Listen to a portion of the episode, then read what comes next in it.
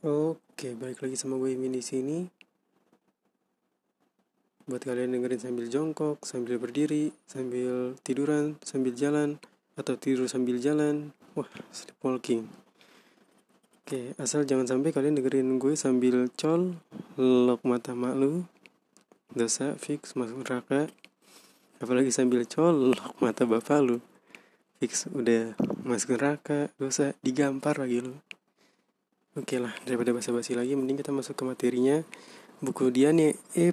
Papalia dengan judul Perkembangan Manusia, jilid 1. Let's go.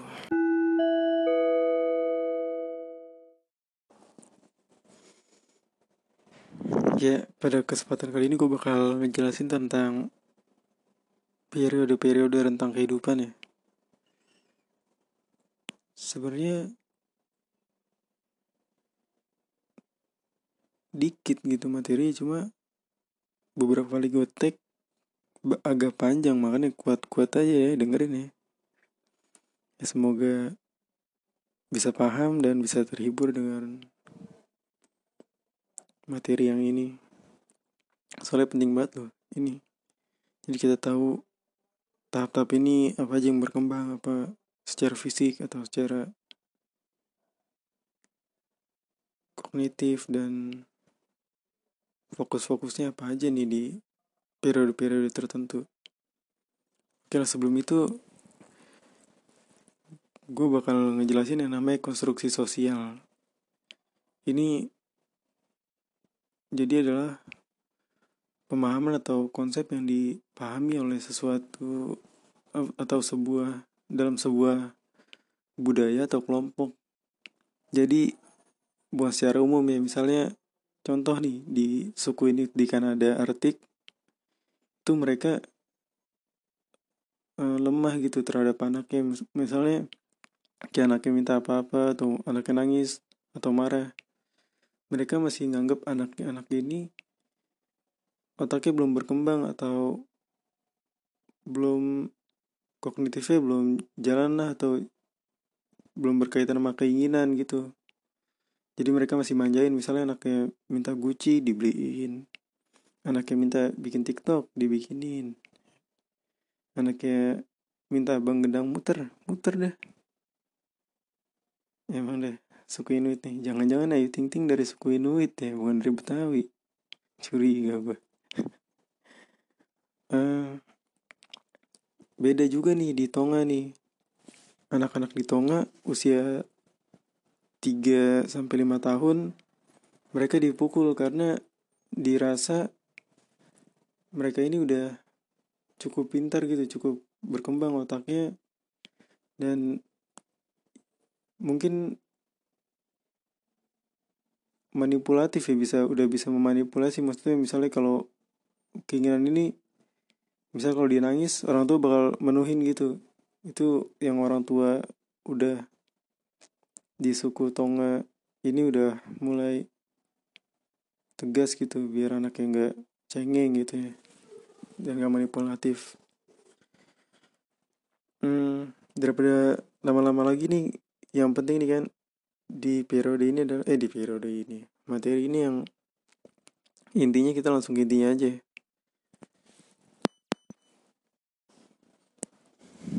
Jadi ada 8 tahap di sini atau 8 periode Yang pertama ada periode pranatal usia 0 sampai 9 bulan di dalam kandungan. Di sini gizi ibu ini sangat menentukan agar tidak terjadi kelainan pada janin. Selanjutnya kemampuan dari respon stimulus sensori mulai berkembang. Jadi janin ini kadang nendang-nendang atau begitulah mukul-mukul buat ngerespon suara dari ibu. Selanjutnya di tahapan yang kedua adalah atau periode kedua dari tahap batita usia 0 sampai 3 tahun. Di sini refleks dan fisik sudah mulai berkembang serta otak sudah mulai berkembang pesat. Jadi di sini juga ada banyak kejadian seperti kelekatan, belajar motorik halus dan kasar, serta kata-kata pertamanya udah mulai muncul gitu. aduh nih tenggorokan gue gak enak banget. Sorry ya. Terus di sini ada yang penting itu adalah kelekatan terhadap pengasuh. Itu yang bikin anak jadi percaya bahwa dunia ini aman gitu. Atau kalau pengasuhnya ogah-ogahan ya jadi anaknya merasa jadi risih gitu. Selanjutnya di periode awal anak-anak usia 3 sampai 6 tahun tadi kan batita usia 0 sampai 3 tahun sekarang awal anak-anak 3 sampai 6 tahun secara fisik sudah mulai menetap lebih langsing dan proporsi pas kan kalau batita tuh paling gede ya kayak upin ipin tuh paling gede Upin Ipin juga 3 sampai 6 tahun sih kira-kira umurnya. Tapi lebih proporsinya lebih pas lah ya di sini. Dibanding sama bayi kan paling gede tuh. Pas baru lahir udah sampai 3 tahun. Terus di sini kadang egosentris tapi juga udah mulai paham perspektif orang lain. Jadi udah mulai merasa pandangan orang lain udah gimana gitu ya. Terus kognitif belum matang, terus menghasilkan ide-ide yang brilian lah mengenai dunia ini udah mulai baik pertanyaan inisiatif udah mulai jalan ya misalnya kayak lihat orang badut gitu kan pakai wig segala macam ngikut aja kan udah mulai aneh-aneh lah inisiatif udah mulai jalan ya kan. Jadi yang intinya di perkembangan 3 sampai 6 tahun ini inisiatif udah mulai jalan jadi nggak boleh di halang-halangin juga nggak boleh di taruh dibebasin jadi mesti di tetap diawasin dengan kadar yang pas biar anak-anak ini nggak terus sembrono atau ya ke depannya punya inisiatif gitu biar nggak diem aja cengok di kelas gitu kalau ada yang pertanyaan kan serem ya. Terus yang keempat ini ada pertengahan masa anak-anak usia 6 sampai 11 tahun. Di sini pertumbuhan cenderung lambat. Pertumbuhan fisik ya cenderung lambat udah mulai melambat. Terus ketampilan atletik udah mulai meningkat. Egosentris sudah mulai menurun anak-anak sudah mulai logis. Konsep diri muncul dan rasa ingin dihargai ini udah menjadi fokusnya di sini. Konsep diri itu misalnya kayak penilaian diri sendiri ini terhadap eh penilaian akan diri sendiri ya. Misalnya diri ini pendiam gitu atau yang lebih suka yang mana nih? Misalnya pendiam atau anak yang talkative gitu. Atau anak yang suka main bola atau anak yang cantik itu gimana? Udah udah mulai kebentuk nih konsepnya nih. Jadi di sini adalah yang penting ini harga diri ya rasa ingin dihargai. Jadi biar anak ini merasa bahwa dirinya itu berharga itu punya value gitu ya. Selanjutnya ada yang namanya masa remaja ya. Masa remaja ini uh, secara perubahan fisik dan organ reproduksinya udah cepat tuh ya. Kayak misalnya cewek payudara mulai tumbuh kalau yang cowok dada jadi bidang. Serta organ-organ organ-organ reproduksinya sudah mulai matang gitu.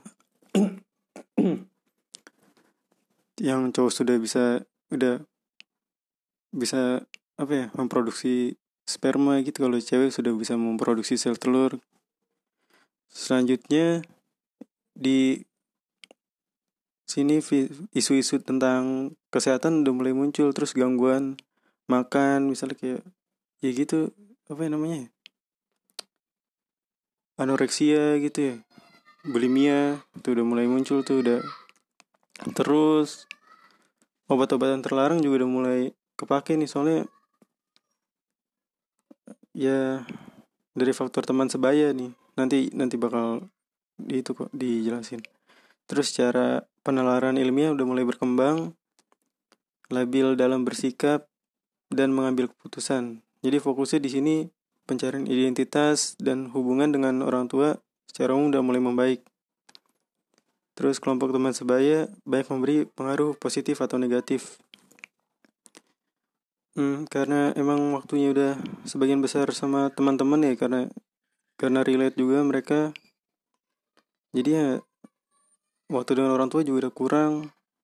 Apa dengan di rumah juga udah kurang ya. Misalnya sampai rumah eh selesai sekolah jam lima jam tiga kemungkinan ya.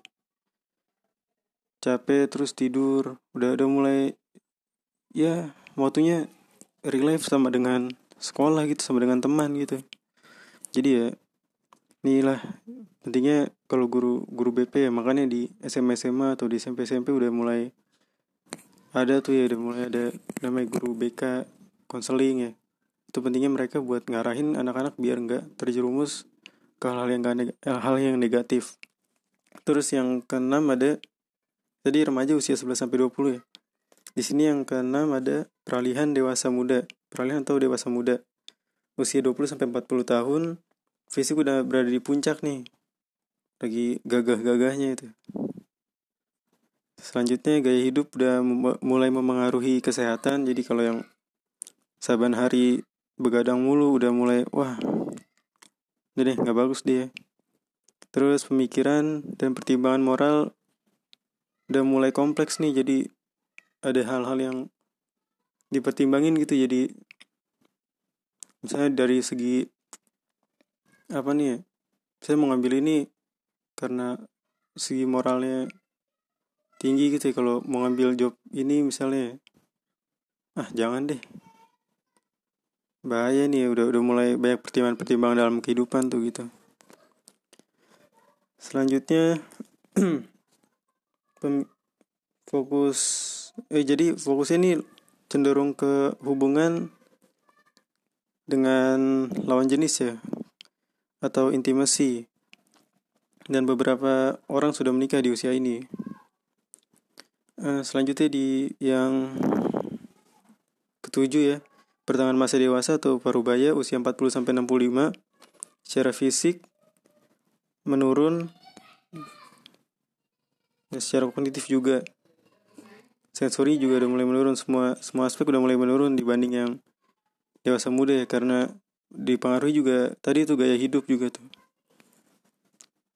Yang masa mudanya foya-foya bukan foya-foya sih maksudnya yang begajulan lah ya kan udah mulai makan nih ya kan. Udah mulai berasa tuh udah capek-capeknya dah dikumpulin ke umur segini nih. Terus kemampuan secara mental berada di puncak beberapa orang sukses dalam pekerjaannya terus ada juga yang beberapa yang burnout itu yang stres di bidang pekerjaannya Nah, di sini fokusnya ada di pencapaian diri atas pekerjaan atau apa pun itu ya di segala bidang ya.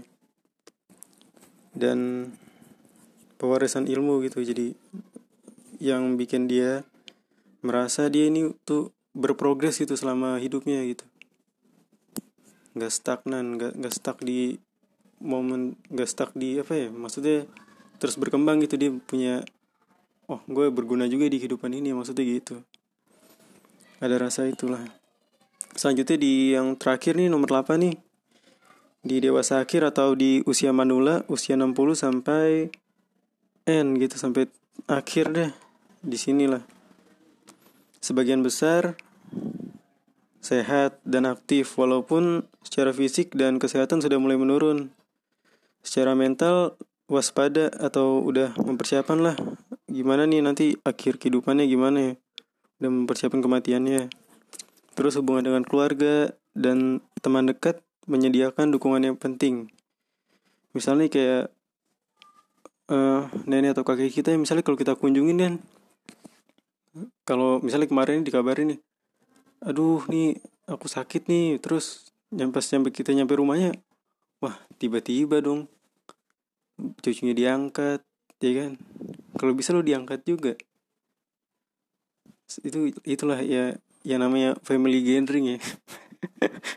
Ada door prize ya. Dong uh, jadi uh, selanjutnya di sini juga mencari makna hidup juga penting ya kayak buka-buka folder folder folder folder lama gitu. Ya itu bisa membuat apa ya orang-orang di usia manula ini merasa diri ya hidup gue nggak gini-gini amat loh gitu. Ada momen-momen penting gitu jadi ya buat dia punya semangat hidup lagi nggak lemes-lemesan aja sih. Um, oke okay, gue ulang lagi. Misalnya eh di gue rangkum aja nih. Jadi yang pertama di usia prenatal itu lebih ke respon atas apa ya suara pengasuh atau ibu ya. Kalau di usia bayi dan balita usia 0 sampai 3 tahun lebih ke kelekatannya. Usia awal masa anak-anak ini lebih ke kemandiriannya inisiatifnya. Di usia pertengahan masa anak-anak usia 6 sampai 11 tahun lebih ke konsep diri lebih pengen dihargainya. Ya gitu. Terus di usia remaja 11 sampai 20 tahun itu cenderung ke pencarian identitas diri. Ya. Kalau di usia peralihan masa dewasa muda itu dia lebih ke membentuk hubungan intimasi dengan pasangannya gitu membangun hubungan yang serius dan pekerjaan gitu. Selanjutnya di usia pertengahan masa dewasa atau parubaya ini sudah mulai di masa transisi gitu. Udah mulai mempersiapkan ke masa yang selanjutnya usia lanjut gitu. Di usia dewasa akhir atau usia lanjut ini intinya fokusnya itu lebih ke mempersiapkan ke ya kematian gitu. Deh mulai legowo gitu ya dengan kehidupannya gitu udah mulai berakhir udah mulai mungkin akan berakhir gitu gitu deh oke okay? Makasih udah dengerin. Bye.